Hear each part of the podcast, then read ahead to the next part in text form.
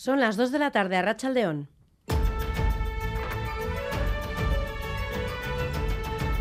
Crónica de Euskadi con Irache Martínez.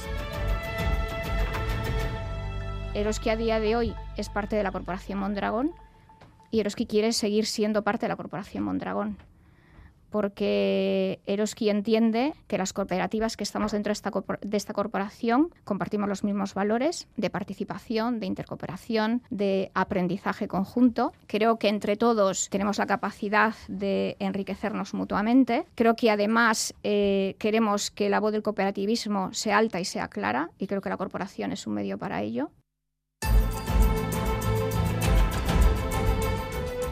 Son las palabras de Rosa Carabel, la directora general del grupo Eroski. Ha concedido su primera entrevista a un medio de comunicación y lo ha hecho aquí en Radio Euskadi al programa Más que Palabras. Ante la posible salida de Ulma Llorona del grupo Mondragón, Carabel reafirma la apuesta de Eroski por la cooperativa y sus valores y, aunque tenga sentimientos enfrentados por la reciente venta de Eroski Vidayak a Iberostar, se muestra satisfecha porque se garantizarán, dice, sus puestos de trabajo. Utilizarán esta venta para saldar deudas. Enseguida vamos con más detalles, pero les contamos también que si este sábado era el consejero de Educación quien abogada por seguir trabajando con discreción en el seno del pacto educativo, hoy EH Bildu ha asegurado que su formación será garante de que la nueva ley se ajuste al contenido del acuerdo. En una entrevista concedida a Europa Press, el coordinador general de la coalición Abertzale, Arnaldo Tegui, asegura que se trata de un pacto de Estado y pide un debate sosegado para sacarlo adelante.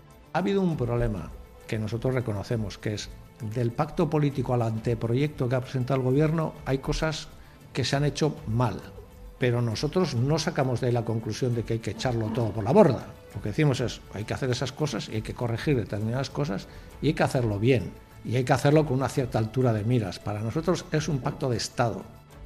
Mientras tanto, el presidente del Euskadi Burubaratzar, Antoni, Andoni Ortuzar, ha reprochado a EH Bildu su estrategia a la hora de negociar los presupuestos en Madrid y en Euskadi. En Madrid aceptan todo. Aceptan todo. Se vota que sí y ahorrera. Ni una contradicción ideológica. Con una venda en los ojos. Amén, amén. Todo sea por el gobierno de izquierdas.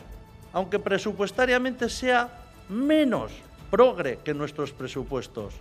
El juez ha decretado el ingreso en prisión del hombre de 36 años que a las cuatro y media de la madrugada de ayer agredía sexualmente a una mujer a la que acorraló en el portal de su casa en Vitoria-Gasteiz. Tras pedir ayuda, su novio escuchó los gritos y lograba retenerle hasta la llegada de la Archancha. Tras pasar a disposición judicial, se ordenaba su ingreso en prisión acusado de un delito de agresión sexual y otro de lesiones tras golpear al novio. Y tenemos novedades sobre el caso del cura de Lemoa que fue denunciado por por dignidad y justicia por enaltecer a ETA en un documental. Pues bien, dos años después, el Foro de Curas de Vizcaya ha hecho pública a través de una nota la decisión de la Audiencia Nacional que ha sobreseído la querella contra Miquel Azpeitia. Los curas vizcaínos piden además al actual obispo de Bilbao y a su predecesor que pidan perdón por haberlo apartado de sus funciones. Vamos ahora ya con los deportes. John Zubieta, Rachaldeón. Hola, Rachaldeón. Comenzamos con la Liga F femenina. El Alavés Gloriosas se citaba este mediodía con el Betis y ha resuelto el partido partido con nota. Raúl Pando, a Rachaldeón, ¿cómo ha sido ese primer triunfo de las jugadoras de Juaristi? A Rachaldeón, eh, John, en efecto, primera victoria de la temporada para el Alves 3-1 frente al Betis. Sanadri y Anemir marcaban en la primera mitad, recortaba diferencias eh, Dorine para el Betis en la segunda y prácticamente cuando el partido acababa en el 45, Avi ponía el 3-1 que a la postre ha sido definitivo. Cinco puntos ya en la tabla para el eh, conjunto albiazul. Es que recasco hablamos, seguimos hablando de la Liga Femenina. La Real Sociedad se mide desde las dos al Levante Las Planas con la intención de hacer bueno el triunfo del pasado derby. Chema Oliden está al tanto del partido. Chema, Racha León.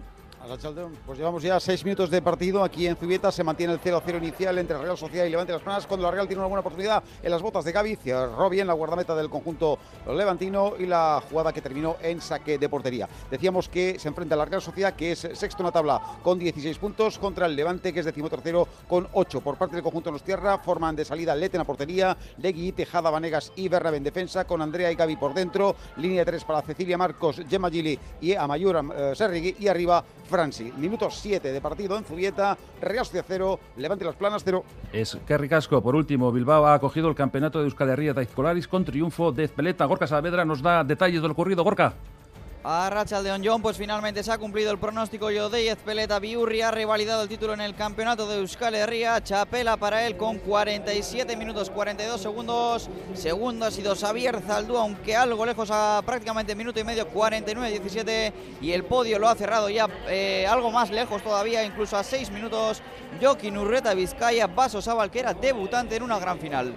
Es que recasco un apunte de atletismo porque se ha celebrado el maratón de San Sebastián en mujeres, victoria para Rebeca Sirguaney con récord incluido en hombres, triunfo de Sisai Fecadu.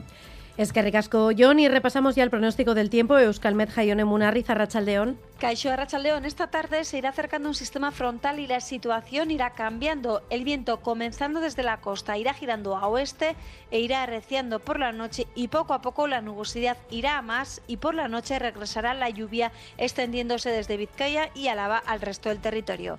Así que comenzaremos el lunes con un viento intenso del oeste o noroeste, un viento que soplará con fuerza sobre todo en la costa y zonas cercanas y que dejará una jornada marcada por los chubascos en el norte donde serán localmente intensos y frecuentes, sobre todo en el nordeste y no se descarta que se produzca alguna tormenta.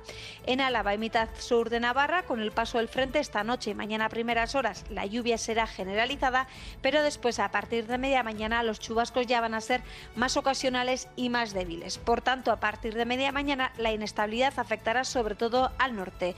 Y con esta situación las temperaturas diurnas van a bajar y se van a quedar sobre los 10 grados en la mitad sur y serán ligeramente más altas en el norte.